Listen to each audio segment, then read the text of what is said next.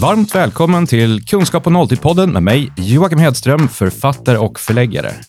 Dagens gäst är Daniel Collin Holgersson som har skrivit boken Det finns något mer. Han är affärsutvecklare, etisk rådgivare, pastor, fembarnspappa och föreläser ofta om mer filosofiska områden. Och idag är han här för att prata om förlåtelse. Och han påstår att skolor och arbetsplatser, om de utbildade och pratade om vikten av förlåtelse, så skulle sjukskrivningstal, skilsmässor, statistik och självmorden sjunka. Shit! Välkommen hit Daniel. Tack så mycket. Vad har du upptäckt som ingen annan har upptäckt? Eh, ja, det är en väldigt intressant fråga. Eh, jag har sett konsekvensen av förlåtelse i mitt eget liv och i många andras människors liv. Eh, och reflekterat lite runt omkring det och tänkt liksom att, eh, ungefär som du sa nyss, att det här skulle ju få otroliga konsekvenser. Och vi förstod vad förlåtelse är för någonting och vad det skulle åstadkomma i oss själva och de som finns runt omkring oss. Men förklara, förlåtelse. Jag tycker det är helt uppenbart. Jag råkar trampa någon på en tå och så säger mm. du, ursäkta. Mm. Det är det vanligaste mm, sättet. Säger du som i, det, så skulle man kunna se det. Så skulle man kunna se det och det kanske är det vanligaste sättet också. Eh, jag brukar säga att vi lär, jag lär ut, mina föräldrar lärde mig eh, på ett väldigt felaktigt sätt. Lite grann som du gav i exemplet, det här med att eh, om jag gör någon illa så är det den som har gjort illa som ber om förlåtelse. eh, Vad är alternativet? Alternativet är ju att eh, göra precis tvärtom. Har du någon gång funderat på att göra tvärtom, eh, Joakim? Eh, jag har funderat på det, jag kommer inte ihåg. Vi var i New York för ett gäng år sedan med familjen. Eh, och jag för mig att det var där, om du sprang in i någon så bad de om ursäkt över att de var i vägen. Mm. Det är jag, intressant. Jag har varit i New York också. Jag tyckte det var lite fånigt. Ja, fast eh, hur kändes det? Jättekonstigt, för att de... Jag tyckte det kändes konstigt i mig, för jag mer sprang på dem. Mm. Jag tyckte de gjorde någonting fel. Eh, så jag tänker bara, men snälla människa, du, du har inte gjort något fel. Det är mm. jag som går på dig. Mm. Men du är ute efter någonting annat, säger dina ögon. Ja, alltså nu är vi ju och skrapar lite på ytan på småsaker och småaktigheter, om man säger så. Men om, om mitt resonemang grundar sig lite mer i att eh, eh, om, om vi ser förlåtelse som en vågskål, att det är rättvisa som ska skippas. Eh, till exempel, jag har ju två döttrar hemma, Ester och Lisa. Jag har fler barn, fast de, de bor inte hemma, de har flugit ut.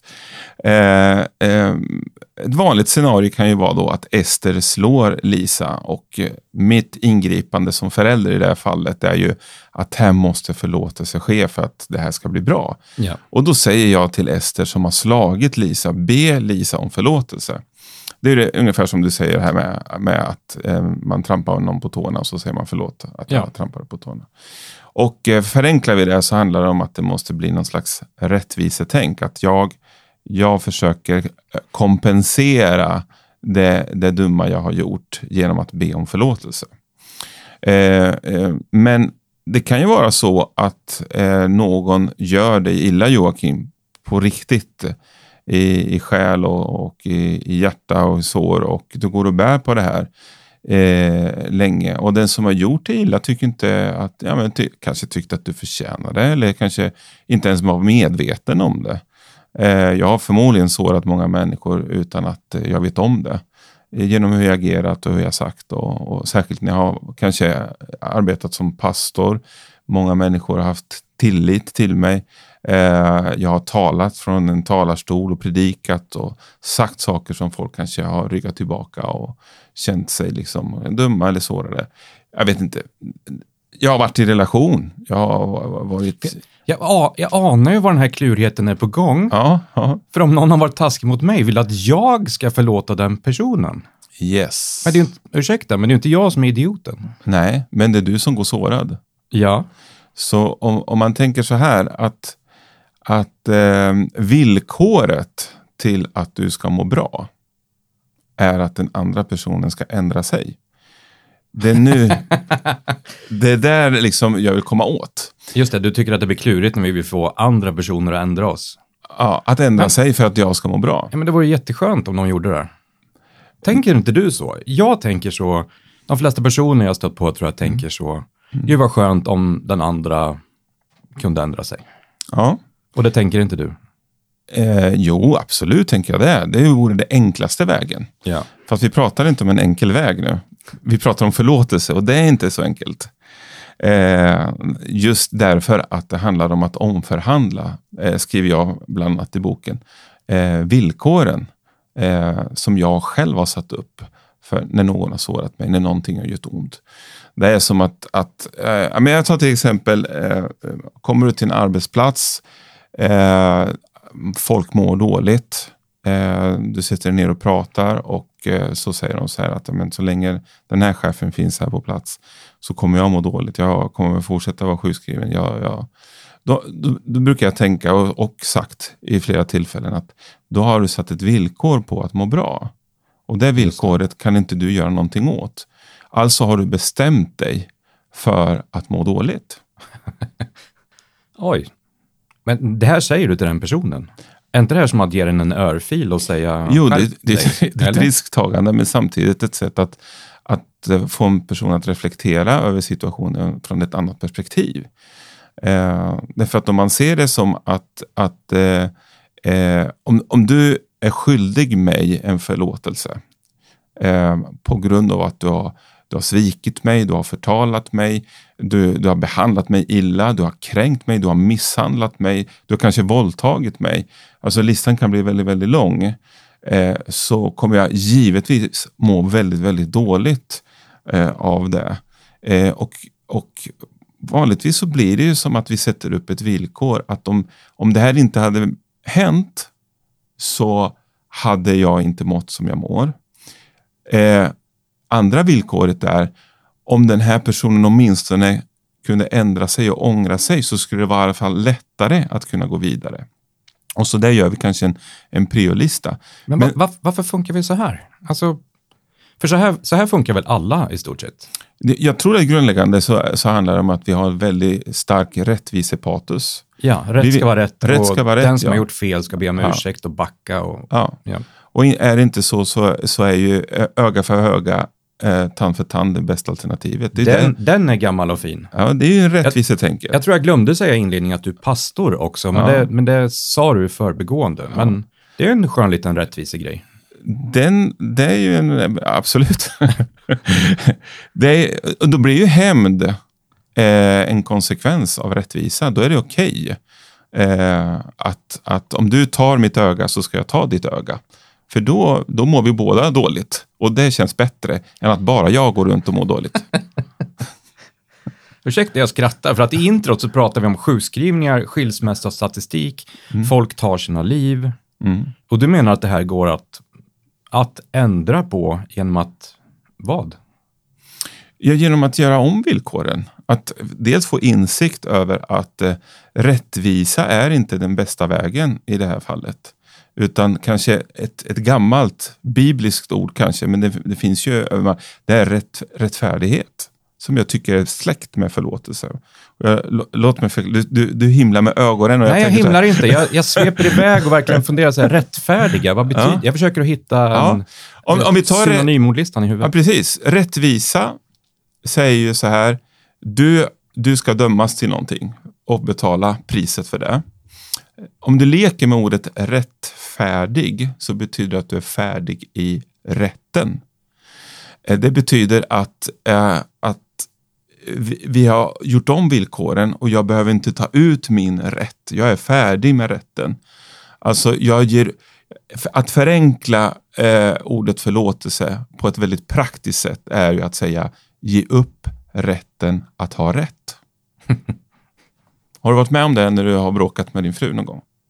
Att den bästa lösningen är faktiskt inte att få rätt utan Absolut, men det inser jag ju först efteråt. Mm. Det är ju inte så att jag i stunden när vi är oense om någonting, för att min fru i det här fallet är ju även min förläggare som, Mm. ja men vi jobbar ju ihop, vi lever ihop. Eh, det är ju sällan som jag inser mitt i stunden, just det, jag borde göra det här så skulle det bli bättre för oss långsiktigt. Men jag fattar ju det dagen efter eller två timmar efter. Och vad gör du då? Ofta går jag till henne och säger att jag är ledsen för att det blev som det blev och jag, jag, jag ber om ursäkt över det. Mm. Men, men det här är jätteintressant också, för att vi har olika sätt att se på att be om ursäkt för någonting. Mm. Ehm, hon och dottern tycker att ja, det räcker med att säga att de är ledsna, medan jag vill förklara vad ber jag om ursäkt för? Varför blev det som det blev? Mm. Och där tycker de det blir klurigt, för de vill bara ha en ursäkt. Mm. Men, men det, jag tänker ibland att man kanske kan skilja på förlåtelse och försoning. Det har ju problem. Det är så skönt att det blev ett terapisamtal av det här, det hade jag ingen aning om, men kör på, förklara. Man ska skilja på det. Det, eh, jag hade faktiskt ett samtal i söndags. Jag var iväg till eh, Väst, Västergötland och talade i en kyrka. Och då kom det fram en kvinna efteråt och sa så här. Jag har förlåtit eh, med eh, en kvinna som har sårat mig så länge. Men jag skulle så gärna vilja att vi försonas. Och ville ha relationen tillbaka.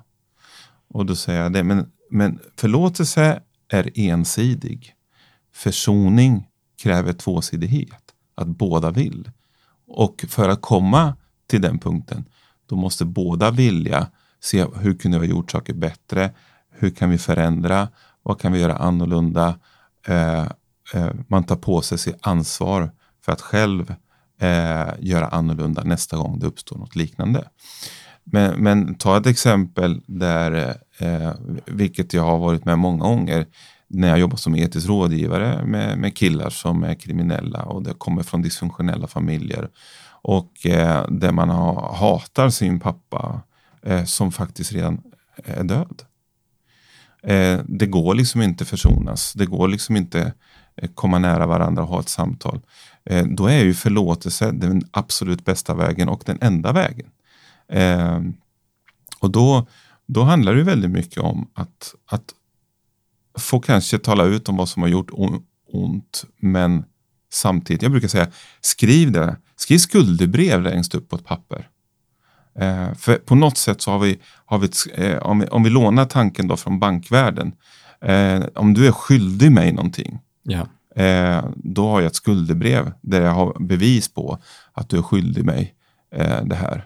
Och det här kan vara känslomässigt, själsligt och massor med sår och annat. Om jag drar tillbaka där till Ja. eh, terapisamtalet som vi nyss hade, Ja. när jag bråkade med Helene som är min fru. Vad, vad tänker du en väg hade varit? För att fråga dig så här, men vad gör du då Joakim efter två timmar eller nästa dag Mm. när du kommer på att oj, det där kanske var inte var optimalt. Mm. Vad menar du då? Att vi, vi ska försonas? Eller vi kanske försonas utan att veta om det, eller? Vad menar du? Ja, jag har väl inte svaren på allting.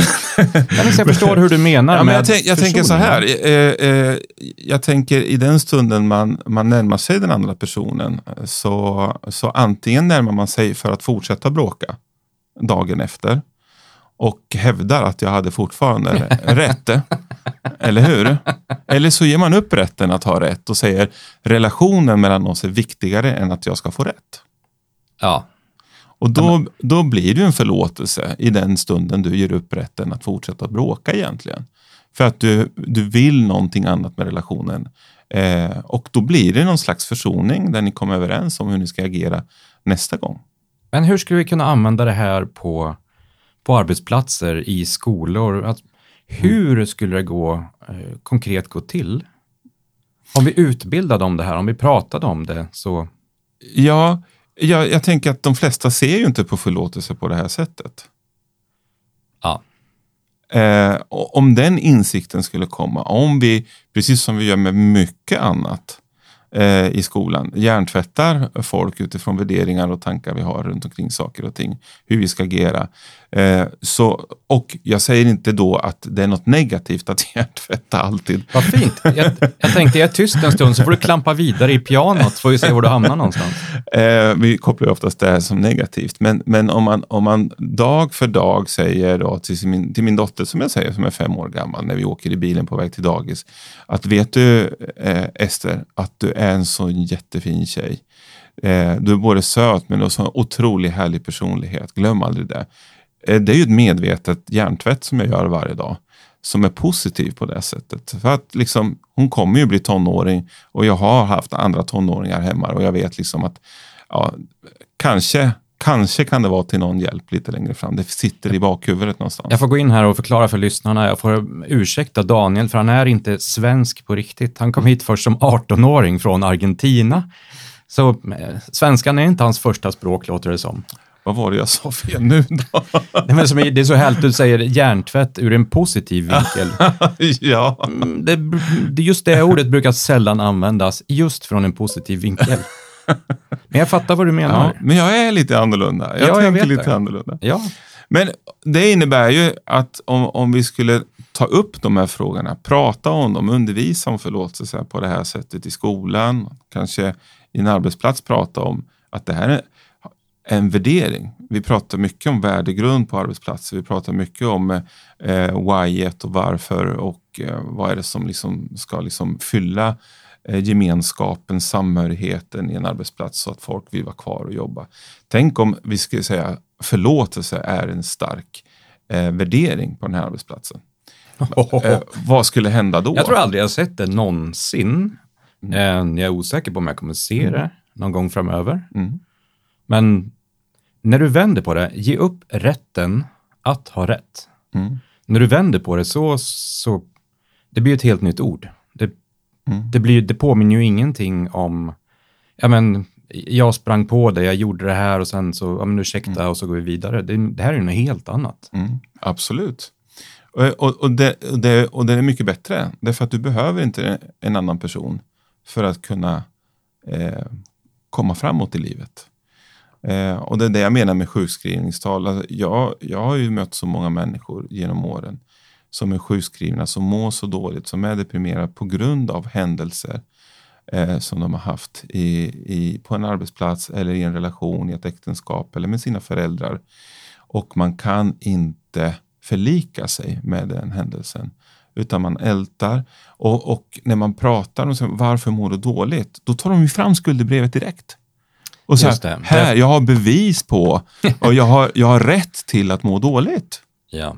Eh, Förstår inte du att jag mår dåligt på grund av det, det här och det här? Jo, jo jag förstår det. Men eh, så länge du har kvar det här skuldebrevet, då kommer, har du bestämt dig för att må dåligt. Eh, och du kan för, omförhandla villkoren. Jaha, säger de då. Vad, vad kan jag göra då, då? Vad händer om du river skuldebrevet? Och säger så här, nu ska inte den händelsen, de här människorna, den här uppväxten få ha makt över mig längre. Eh, jag har gett den det här tillträdet över mitt mående. Jag ger upp rätten i, i, i att ha rätt här och jag bestämmer mig för att eh, jag ska inte ha eh, någonting i liksom, att, en hållhake på människor. Först är det att det är oerhört provocerande när du sa det. Om du skulle närma dig en människa och säger, men du får väl ge upp rätten att ha rätt. Skärp dig, riv skuldebrevet. Och det är klart det kan uppfattas så, men jag tänker även att det är att hålla människor ansvariga för sina liv. Ditt liv, du är ansvarig för ditt liv. Du är ansvarig för dina handlingar eller icke-handlingar. För dina tankar. Vi kan faktiskt påverka våra tankar också.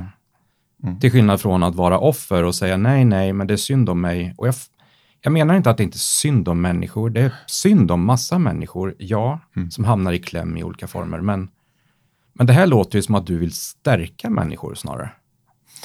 Att vara med och påverka sin situation och sluta vara beroende av den andra personen som har gjort något dumt. Jag, alltså, jag har ju själv eh, brottats med de här tankarna eh, Eh, tidigare i mitt liv. Eh, och eh, förstått någonstans att eh, ägnar jag väldigt mycket tankeverksamhet och tid åt saker eller personer jag inte kan påverka, då kommer jag må dåligt. Men om jag fokuserar på vad jag kan påverka, då kommer jag må bättre. Och en sak jag kan påverka i det här fallet det är att bestämma mig för att jag river skuldebrevet. Att jag ger upp rätten att dra in den här skulden. Eh, och vi river skuldebrevet. eh, och, och eh, då har den andra personen inte varit inblandad i, i, i den förlåtelseprocessen. Ja. Men jag har valt livet. Jag har valt att må bra. Jag har valt att, att eh, inte vara korsfäst längre. På säga.